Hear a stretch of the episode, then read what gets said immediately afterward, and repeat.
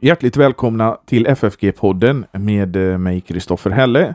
Och idag så fortsätter jag och Timo Lato vårt samtal om det nya perspektivet på Paulus och eh, den antiweberska linjen som, som vi började på i förra avsnittet.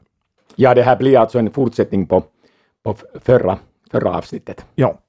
Och eh, Timo, det är väldigt viktigt att om man tycker om församlingsfakulteten och vill bevara församlingsfakulteten så kan man ge ett bidrag.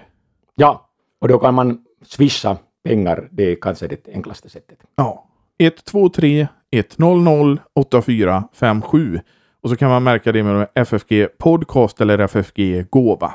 Och numret finns också i avsnittsbeskrivningen och på vår hemsida ffg.se. Ja. Timo, nu ska vi gå in på ett känt namn som jag och du har pratat om mycket. Vi har pratat om honom i podden innan också och det är Hugo Odeberg. Ja.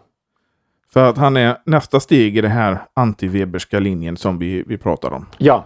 Och eh, Odeberg, då är det framförallt farisism och kristendom vi pratar om i det här eh, fallet. Ja, det är hans um, huvudverk så att säga, eller en av dessa huvudböcker som han har skrivit. Och vi har också en engelsk översättning av hans bok Phariseism and Christianity. Så att den, det svenska originalet kom ut 43 under krigstiden och sen denna engelska översättning 64. Så att han är alltså en prominent forskare och hans bok har haft en enorm betydelse, inte bara i Sverige utan i hela Norden och bland äh, eh, många kristna, inte minst bland lutheraner. Det som jag tycker är så unikt med Odebergs bok och, och förtjänstfullt, det är att han i början av boken helt enkelt röjer undan en massa missförstånd. Ja, han såg mycket tidigt att det är något fel med den Weberska linjen, med denna allmänna bild av judendomen eh, inom nytestamentlig exegetik. Och han kritiserar oerhört starkt denna falska bild och på det viset alltså visar Odeberg att han levde före sin tid, så, så att säga. Det är egentligen jättemärkligt att Sverige har en sådan forskare som så tidigt har kommit med en så enkel och grundlig syn på samma gång. Alltså en enkel och grundlig, grundlig syn på judendomen.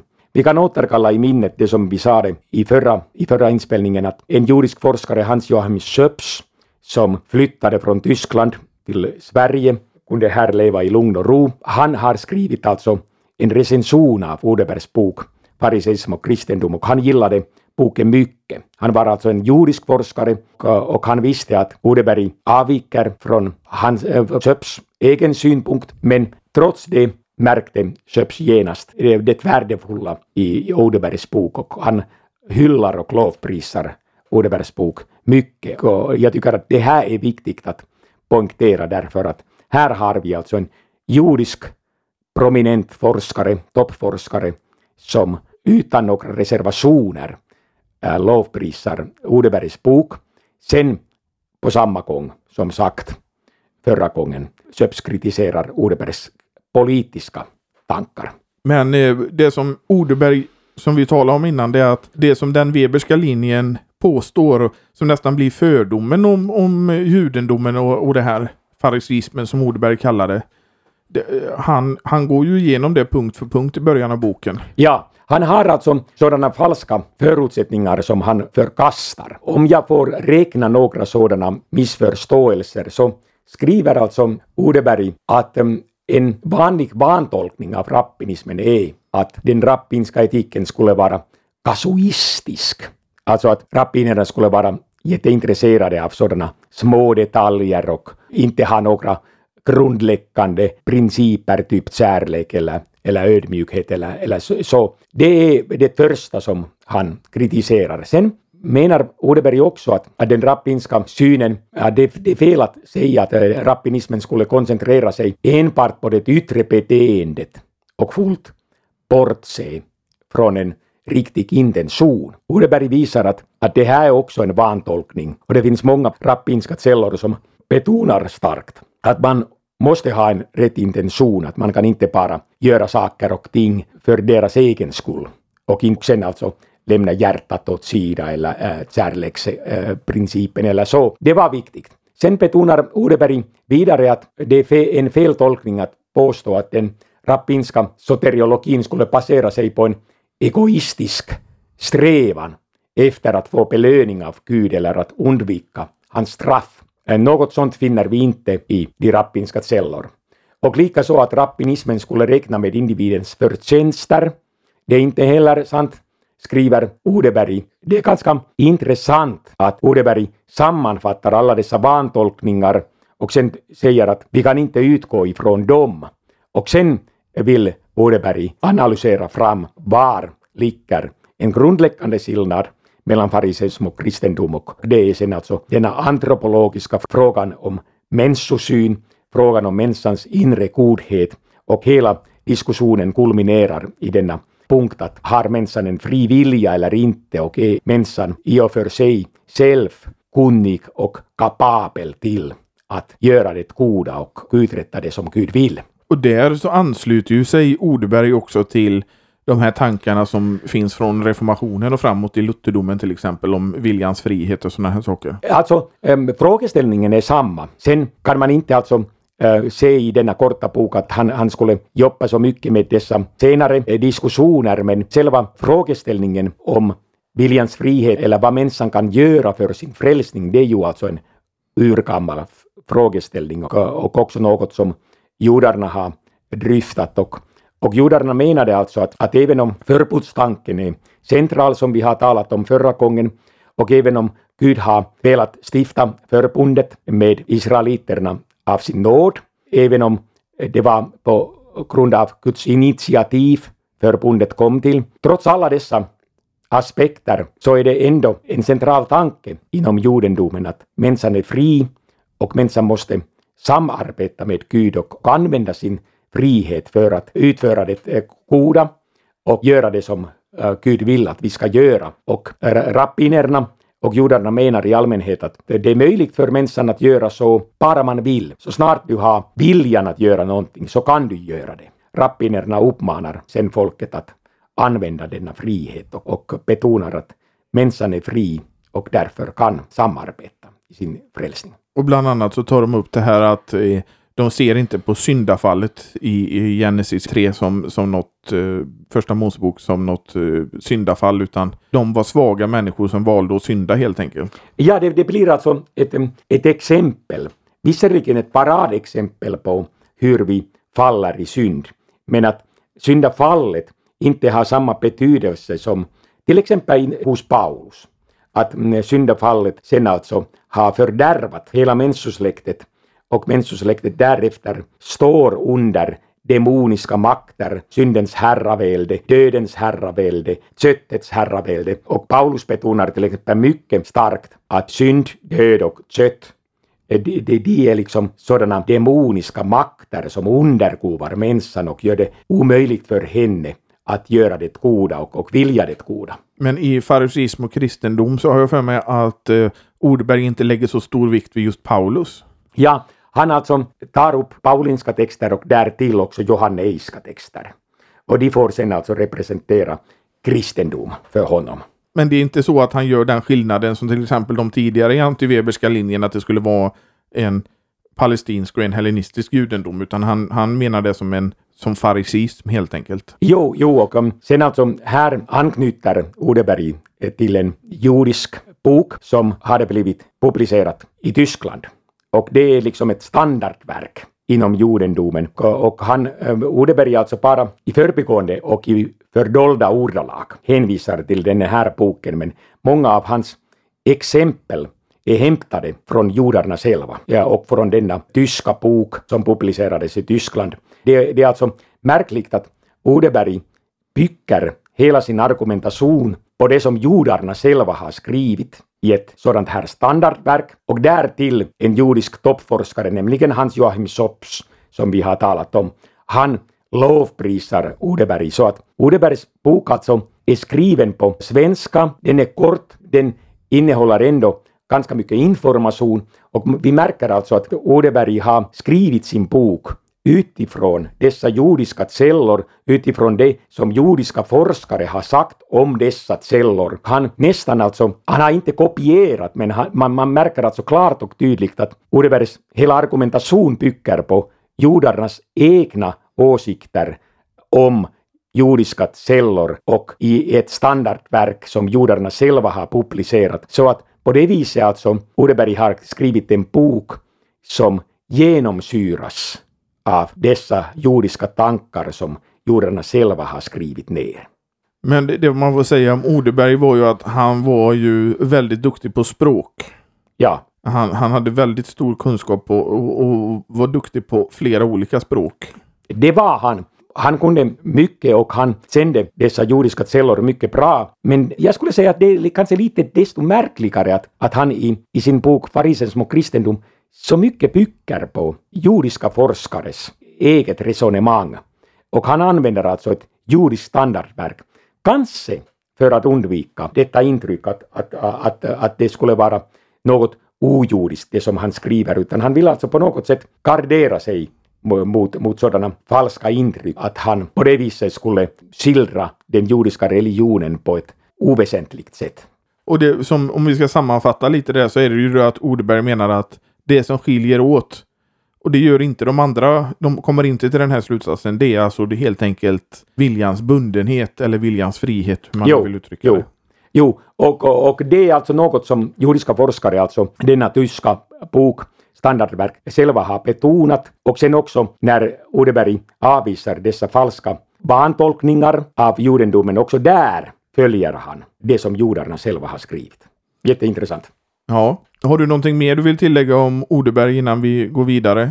Nå, alltså, kanske inte så, så, så mycket, men, men om vi sen alltså kommer till, det, till Paulus inställning till, till judendomen, så kan vi ändå tillägga det här, denna aspekt att när vi sen alltså undersöker paulinismen och judendomen och jämför dem varandra, så blir det klart och tydligt att Paulus har, har all anledning att kritisera den jordiska frälsningssynen just därför att judarna som, som visserligen betonar förbundstanken, att de ändå sen alltså menar att de kan samarbeta med Gud i frälsningsfrågan. Då har alltså Paulus all anledning att kritisera judendomen för egen rättfärdighet, för självberömmelse och allt det där så att utifrån Odebergs perspektiv blir det helt förståeligt varför Paulus kritiserar judendomen.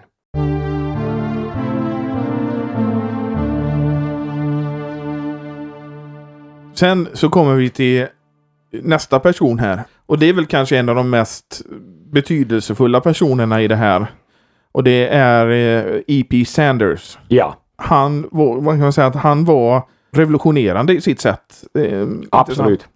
Det är så att han alltså skrev sitt magistrala äh, arbete Polen Palestinian Judaism 1977 och det var liksom en bomb inom nytestamentlig exegetik. Man märkte genast att här har vi mycket sprängstoff. Sanders alltså nöjer sig inte med, med att bara så, så där i förbigående kritisera weberianer, denna weberska linje som har vantolkat judendomen, utan han attackerar den weberska linjen mycket starkt och river ner deras argumentation och billigt sett också deras böcker. Han alltså gör det på ett så drastiskt sätt att man måste notera det. Sen börjar han alltså äh, genomgå alla judiska texter, som alla palestinska judiska texter som härstammar från tiden 200 före Kristus till 200 efter Kristus. Så där ungefär. Han genomgår dessa texter och kommer till den slutsatsen att det som weberianer har betonat, det är helt fel. Alla dessa texter talar för en annan syn på judendomen, eh, en, en syn som räknar med Guds nåd, Guds barmhärtighet med försoningsmedel, med äh, ånger som kan också för, försona äh, det som vi har syndat. Det är alltså ett totalt krig mot alla illvilliga uh, missförståelser av, av judendomen. Eh, Men även förbundstanken är väl stark i, Sanders? Absolut.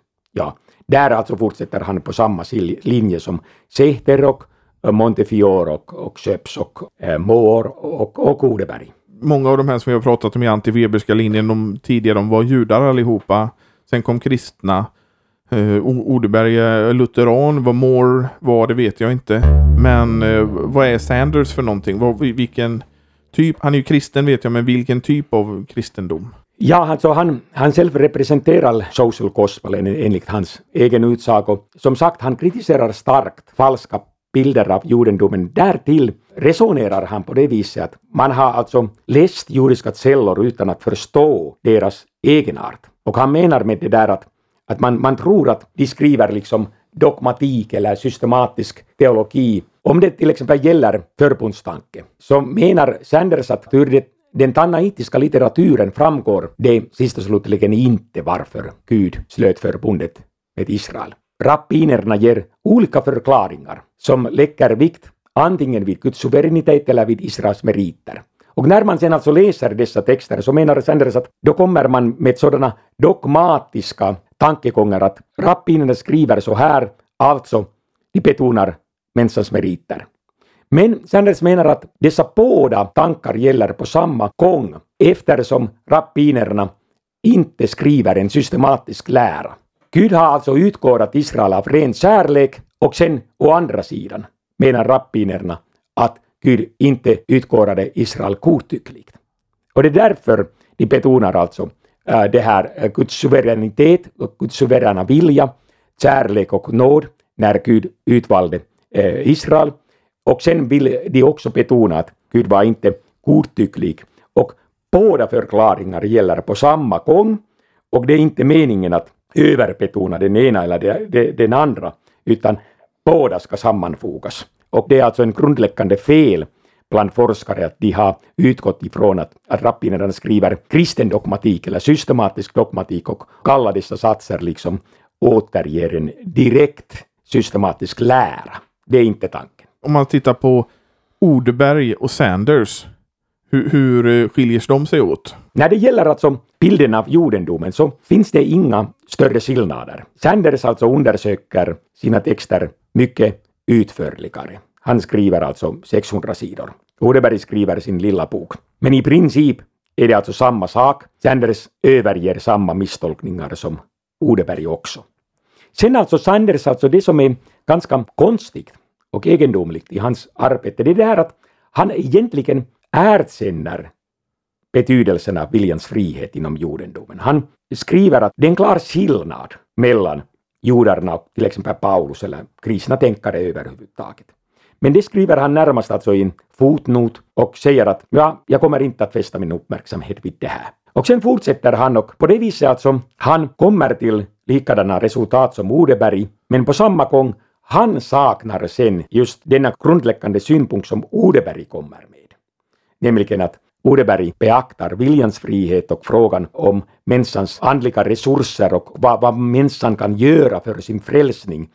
Det är alltså en frågeställning som Sanders kringgår i stor utsträckning. Och så att han, det här med eh, soteriologi är inte så stort hos honom så som det är hos till exempel i Odebergs bok? Jag skulle säga, enligt min mening alltså, det finns alltså en, en viss ytlighet i Sanders resonemang trots att det är han som skriver över 600 sidor. Han skriver alltså en grundläggande bok och vi kan hylla och lovprisa hans starka ag agerande i sin kritik av den Weberska linjen.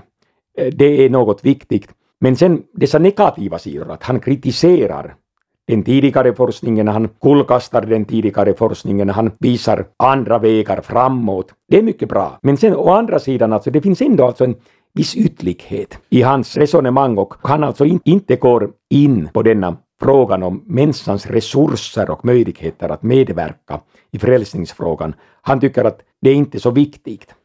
Men eh, alltså en sån som håller på med social gospel på det sättet, som tror på det, att just frälsningen brukar inte vara det centrala i den teologin. Ja, i den här boken som Sanders har skrivit, han diskuterar nog mycket frälsningsfråga, men som sagt alltså, hans utgångspunkt är annorlunda än Odebergs. Jag har i min egen forskning sen visat att Sanders egentligen hela tiden förutsätter dessa antropologiska frågeställningar, alltså frågan om människans förmåga och, och vad människan kan göra för sin frälsning.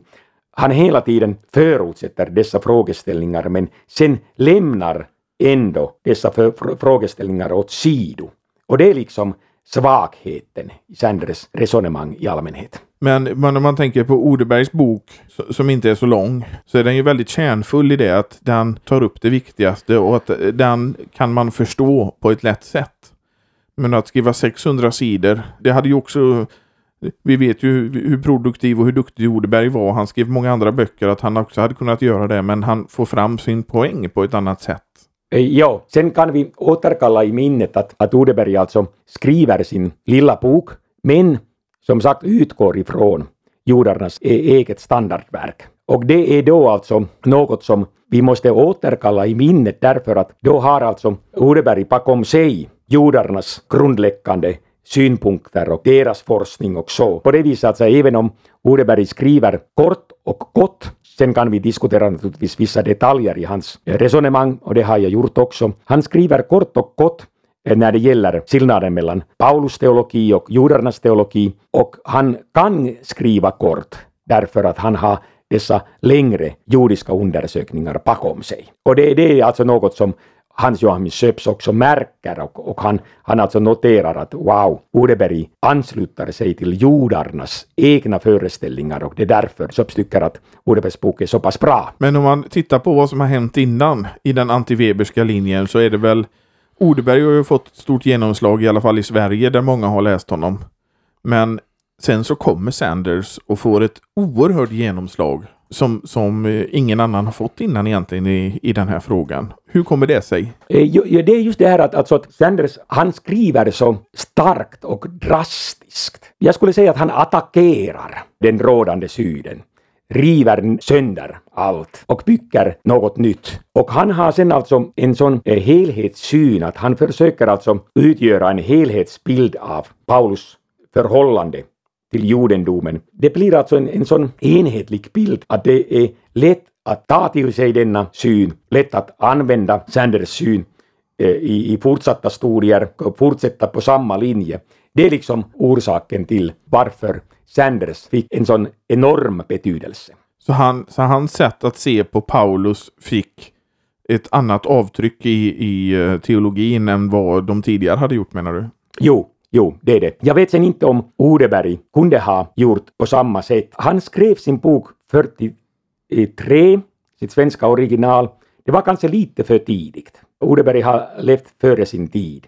Och sen när han alltså hänvisar till detta judiska standardverk, det heter för övrigt De lärendes judentums kvällen. Det är alltså ett standardverk, men Odeberg inte öppet säger det. Han liksom döljer denna sak och det var kanske då för tiden bäst att göra så, inte vet jag.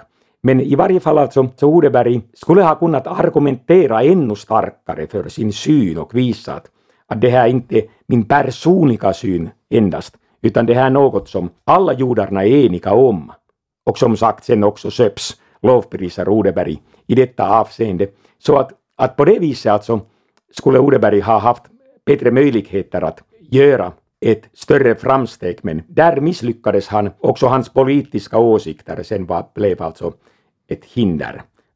Antagligen att det tog sin tid innan Odeberg märkte att hans politiska åsikter inte är sådana som har möjligheter att leva vidare i västerlandet. Det är också vad syftet är med boken. Jag menar Odeberg skrev boken kanske för att den skulle vara mer lättillgänglig. Ja. För att förstå eh, grunderna i det här.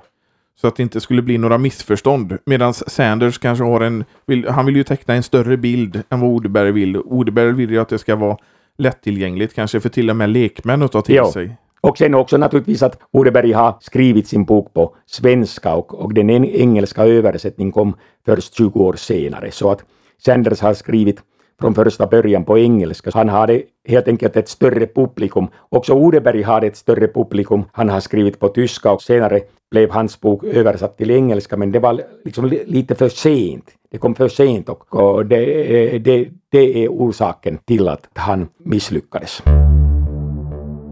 Hur ska man beskriva med några lätta ord att hur beskriver Sanders Paulus. Sanders alltså sen menar att Moore, denna kristna forskare som redan på 1920-talet hade kritiserat den Weberska bilden av judendomen, att Moores förklaring varför Paulus lämnade sin moderreligion, varför Paulus lämnade fariseismen, att det är alltså en förklaring som Sanders tar över. Och han menar alltså att sist och slutligen orsaken var bara det här att judendom var inte kristendom. Och det är naturligtvis en, en ganska enkel förklaring. Sen har Sanders senare försökt motivera sin syn lite grundligare och, och komma med vidare påståenden och delvis har han lyckats med det där, men att hans syn på Paulus följer i samma fotspår som mor, GF mor före honom, men Sanders inte öppet säger det.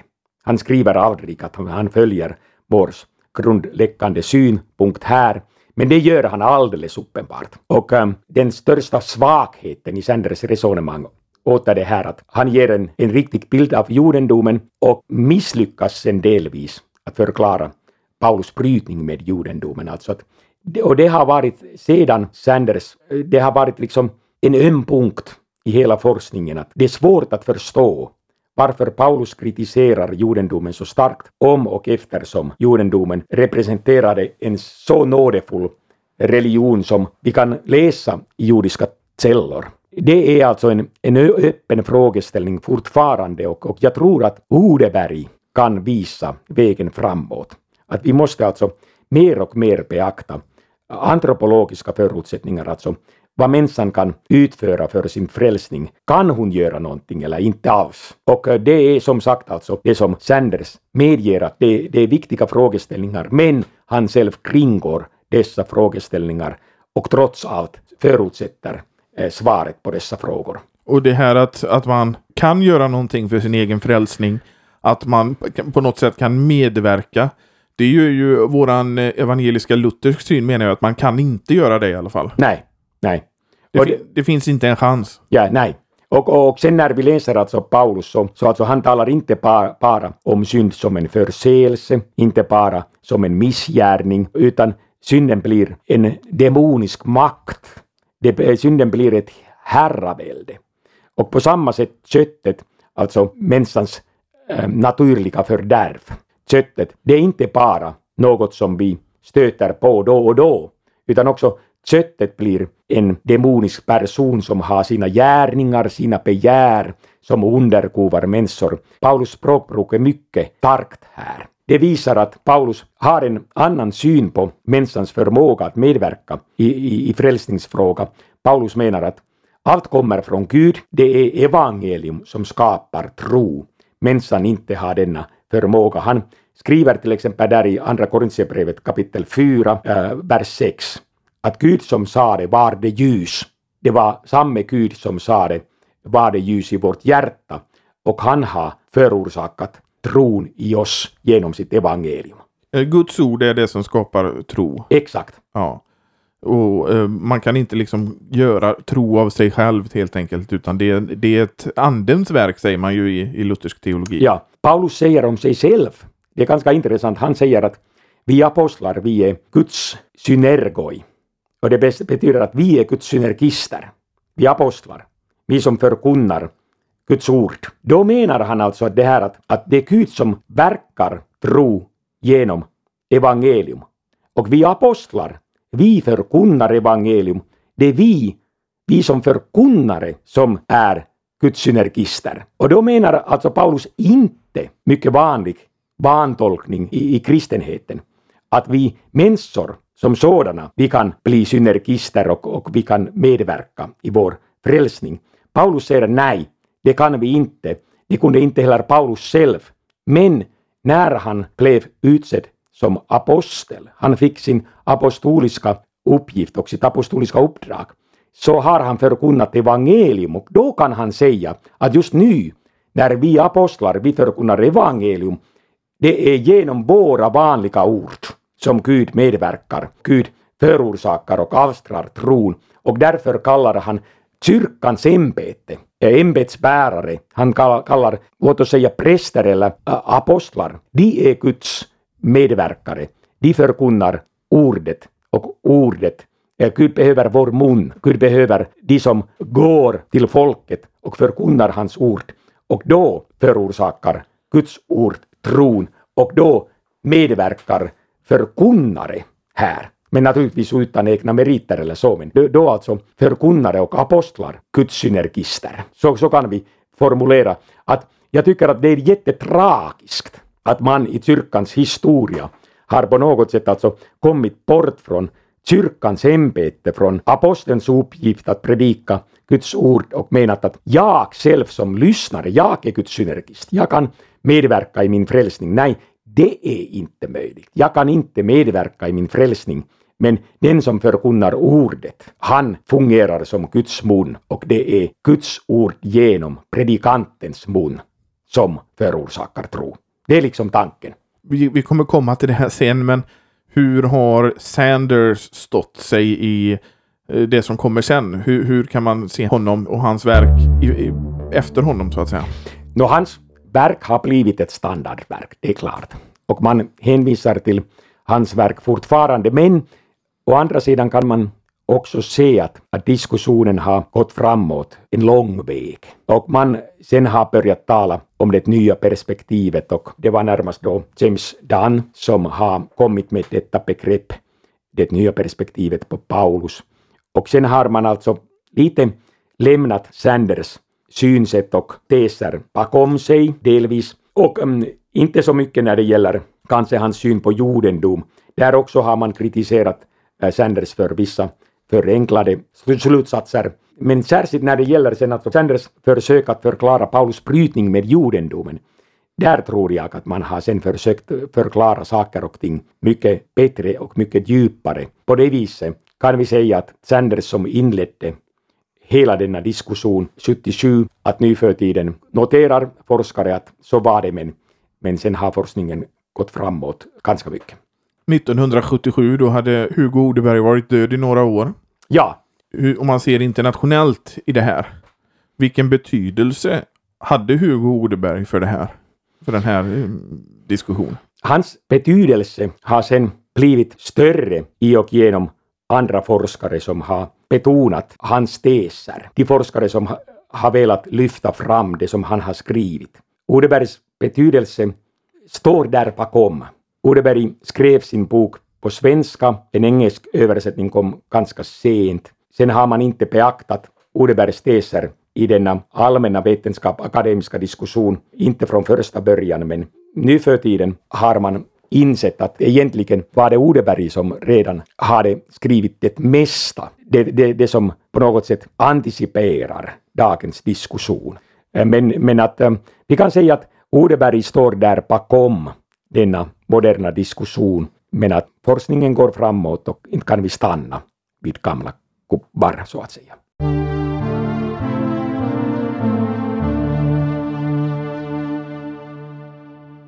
Vi stannar inte här, utan vi har ju anledning, äh, vi stannar här för idag. Ja. Men vi har ju anledning till att återkomma till det här ämnet, för det, det slutar ju inte med E.P. Sanders. Nej, nej det, det, det är alltså mycket som pågår och, och det här är liksom en härva. Det, är liksom alltså, det finns alltså flera trådar hit och dit. Och att få klarhet i, i dagens diskussion, det är inte lätt. Nej. Tack Timo för att du har varit med än en gång och pratat om det här nya perspektivet på Paulus. Och ändå så har vi inte kommit in på det nya perspektivet på Paulus än. I alla fall inte eh, har den benämningen kommit in i vår historielinje än i ja, alla fall. Ja. Vi påminner ju om att man kan ge en gåva för att bidra till den här poddens och församlingsfakultetens fortsatta arbete. Gör det gärna på Swish 123 100 8457. Så märker man det med FFG Gåva eller FFG Podcast. Numret finns ju också i avsnittsbeskrivningen och på vår hemsida ffg.se. Tack Kristoffer, det var roligt att diskutera. Tack så mycket Timo och vi hörs igen nästa vecka. Ja.